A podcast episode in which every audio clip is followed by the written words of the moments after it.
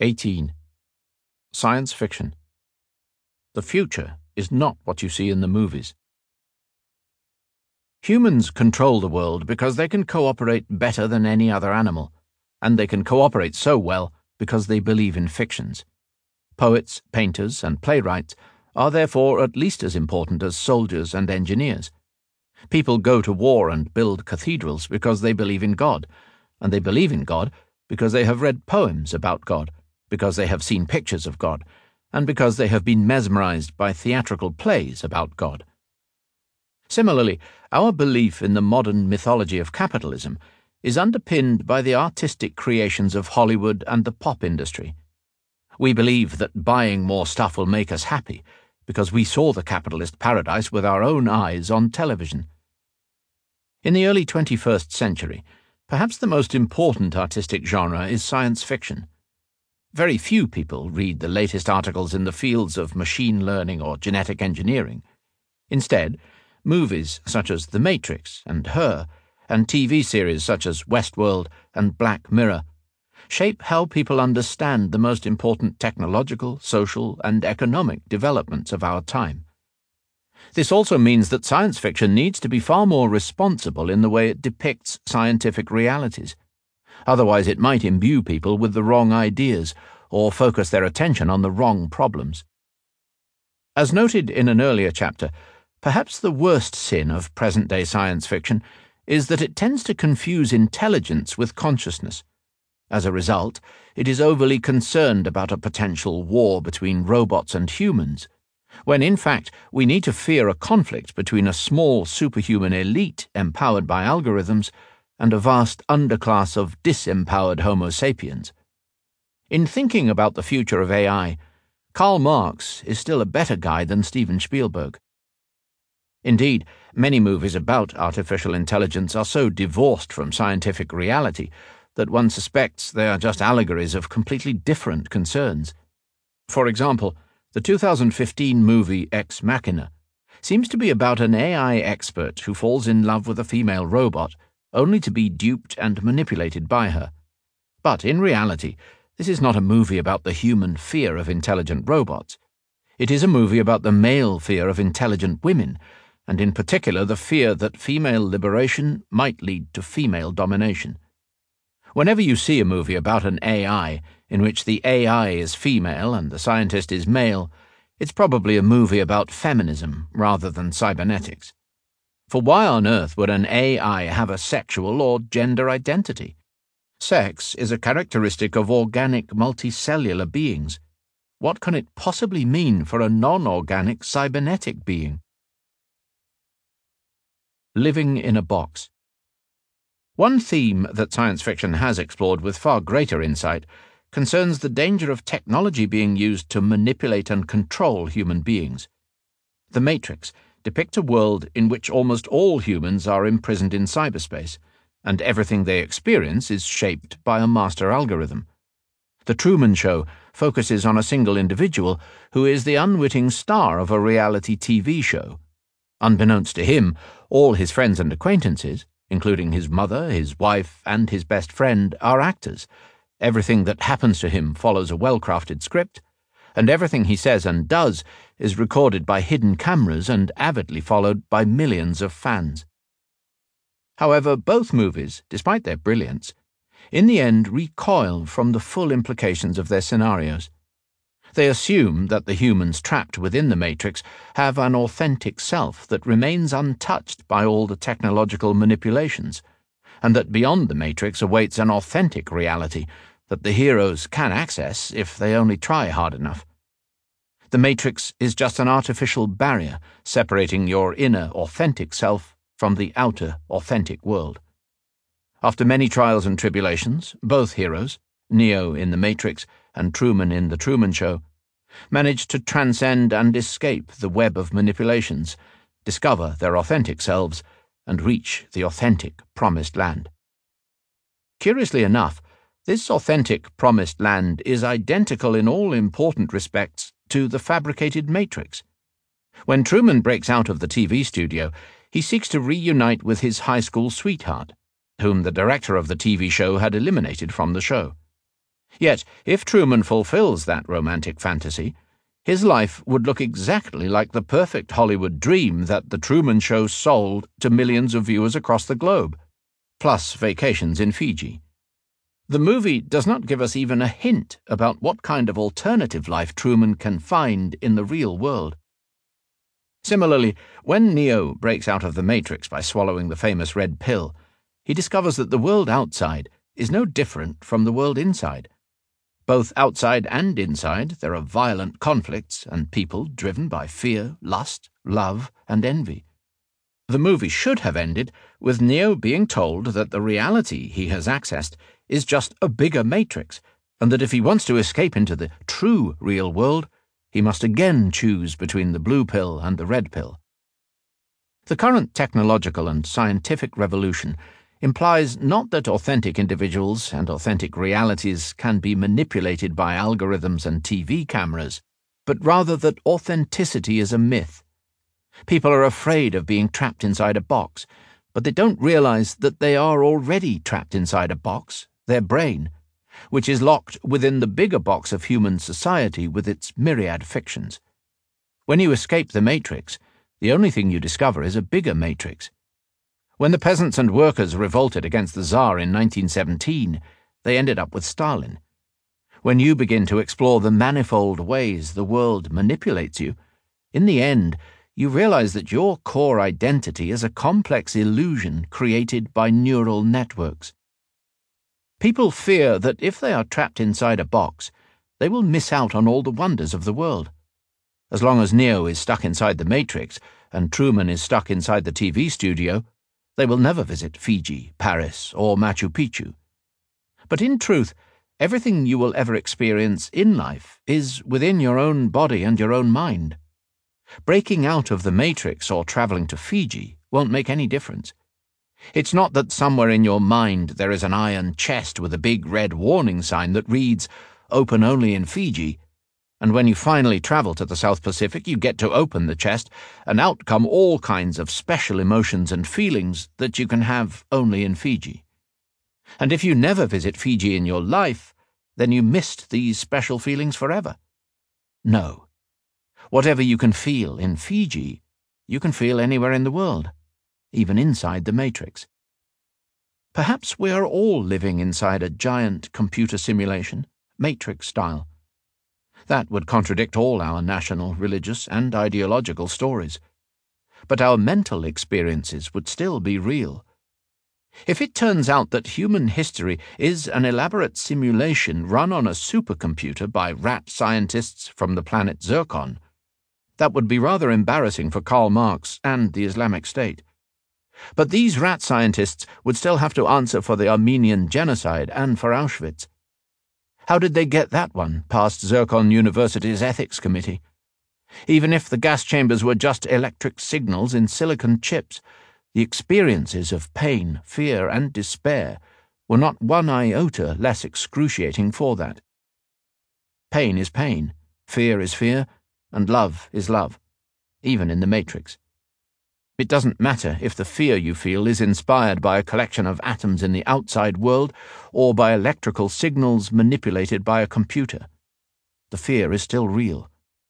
So if you want to explore the reality of your mind, you can do that inside the Matrix as well as outside it. Most science fiction movies actually tell a very old story the victory of mind over matter.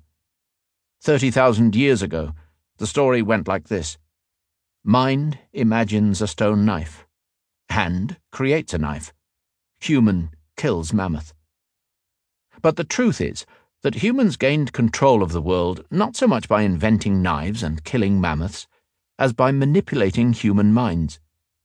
The mind is not the subject that freely shapes historical actions and biological realities. The mind is an object that is being shaped by history and biology. Even our most cherished ideals, freedom, love, creativity, are like a stone knife that somebody else shaped in order to kill some mammoth.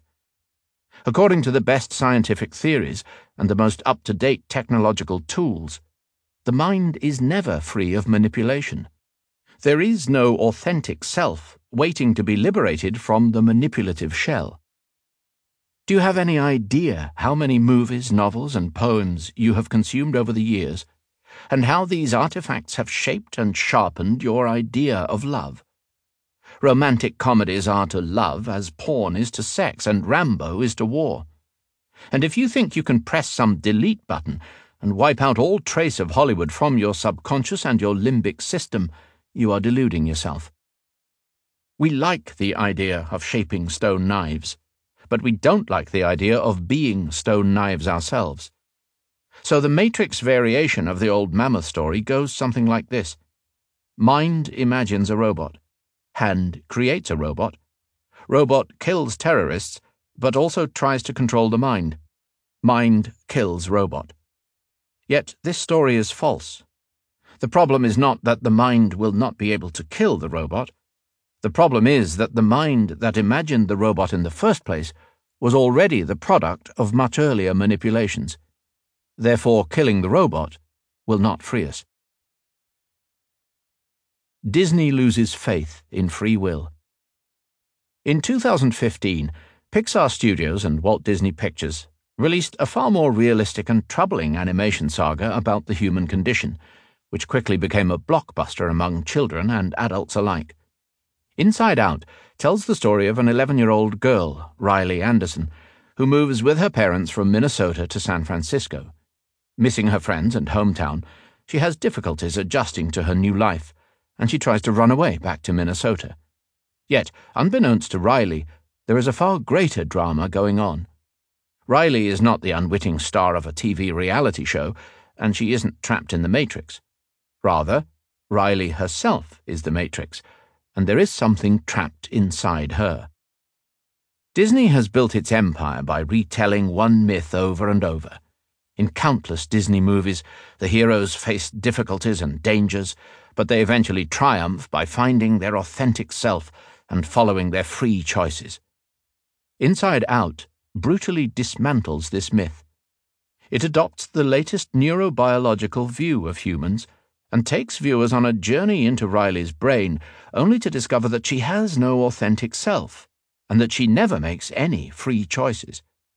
Riley is, in fact, a huge robot managed by a collection of conflicting biochemical mechanisms, which the movie personifies as cute cartoon characters the yellow and cheerful joy, the blue and morose sadness, the red and short tempered anger, and so on by manipulating a set of buttons and levers in headquarters while watching Riley's every move on a huge TV screen. These characters control all of Riley's moods, decisions, and actions.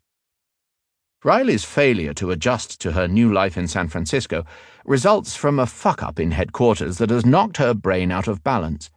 To make things right, joy and sadness go on an epic journey through Riley's brain riding on the train of thought, exploring the subconscious prison, and visiting the inner studio where a team of artistic neurons are busy producing dreams.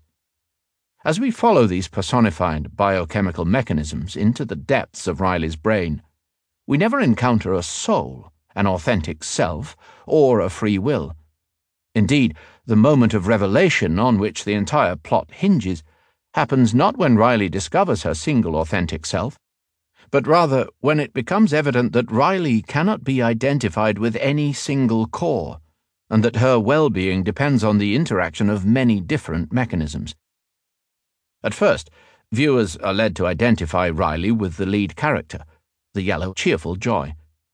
Yet eventually, it turns out that this identification was the critical mistake that threatened to ruin Riley's life. By thinking that she alone is the authentic essence of Riley, Joy browbeats all the other inner characters, thereby disrupting the delicate equilibrium of Riley's brain. Catharsis comes when Joy understands her mistake, and she, along with the viewers, realizes that Riley isn't joy or sadness or any of the other characters. Riley is a complex story produced by the conflicts and collaborations of all the biochemical characters together.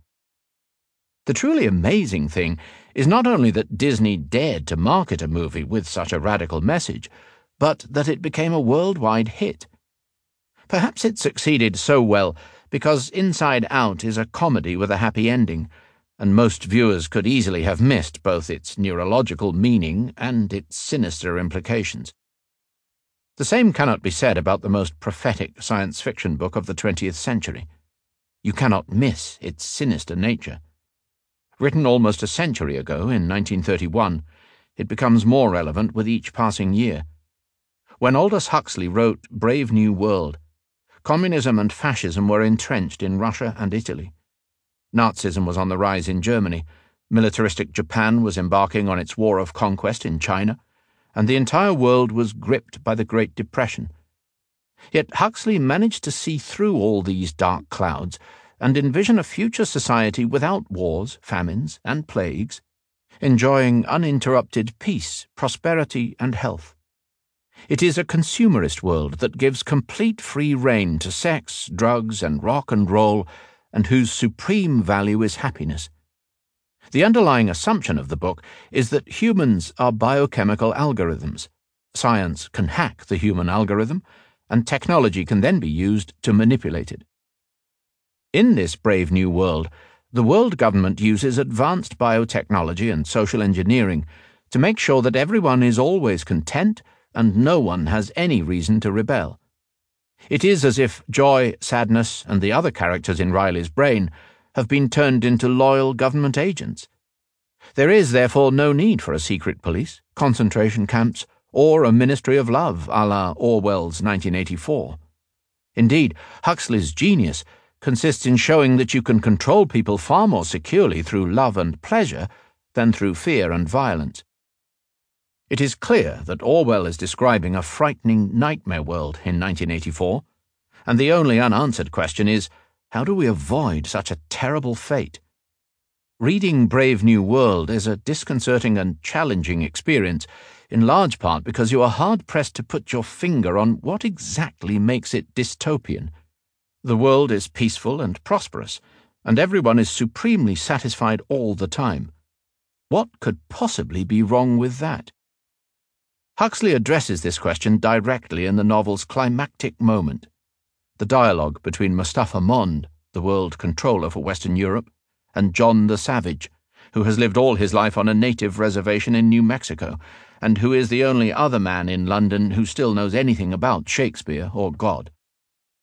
When John the Savage tries to incite the people of London to rebel against the system that controls them, they react with utter apathy to his call but the police arrest him and bring him before Mustapha Mond. The World Controller has a pleasant chat with John, explaining that if he insists on being antisocial, he should just remove himself to some secluded place and live as a hermit. John then questions the views that underlie the global order and accuses the world government of eliminating not just truth and beauty in its pursuit of happiness, but all that is noble and heroic in life. Mustapha Mond explains to the savage that civilization has absolutely no need of nobility or heroism. These things are symptoms of political inefficiency. In a properly organized society like ours, nobody has any opportunities for being noble or heroic. Conditions have got to be thoroughly unstable before the occasion can arise. Since there are no more wars, revolutions, or social conflicts, there is just no need for nobility or heroism. Similarly, in the past, people had to exert great effort and undergo years of hard moral training in order to overcome their anger, their hatred, and their dangerous passions. But now, if your anger or passion threatens to overwhelm you, all you need to do is swallow a few pills. Anybody can be virtuous now, concludes Mustapha you can carry at least half your morality about in a bottle. Exasperated, the savage insists that effort and struggle have their merits, and asks Mustapha, Isn't there something in living dangerously? The World Controller agrees wholeheartedly that there is a great deal in living dangerously. Humans need strong stimulations, which is why the world government decreed that every citizen must undergo a violent passion surrogate treatment each month. These treatments mimic the physiological effects of extreme fear and rage, so that people can enjoy all the effects of murdering someone, or being murdered, without suffering any of the inconveniences. But I like the inconveniences, says the savage. We don't, said the controller. We prefer to do things comfortably. But I don't want comfort. I want God. I want poetry. I want real danger. I want freedom. I want goodness. I want sin. In fact, said Mustapha Mond, you're claiming the right to be unhappy. All right then, said the savage defiantly. I'm claiming the right to be unhappy. Not to mention the right to grow old and ugly and impotent, the right to have syphilis and cancer, the right to have too little to eat, the right to be lousy, the right to live in constant apprehension of what may happen tomorrow, the right to catch typhoid, the right to be tortured by unspeakable pains of every kind. There was a long silence. I claim them all, said the savage at last. Mustapha Mond shrugged his shoulders. You're welcome, he said. John the Savage retires to an uninhabited wilderness and there lives as a hermit. Years of living on an Indian reservation and of being brainwashed by Shakespeare and religion have conditioned him to reject all the blessings of modernity. But word of such an unusual and exciting fellow quickly spreads. People flock to watch him and record all his doings, and soon enough he becomes a celebrity. Sick at heart of all the unwanted attention, the savage escapes the civilized matrix not by swallowing a red pill, but by hanging himself. Unlike the creators of The Matrix and The Truman Show, Huxley doubted the possibility of escape because he questioned whether there was anybody to make the escape. Since your brain and your self are part of the Matrix, to escape the Matrix, you must escape yourself. That, however, is a possibility worth exploring escaping the narrow definition of self might well become a necessary survival skill in the 21st century.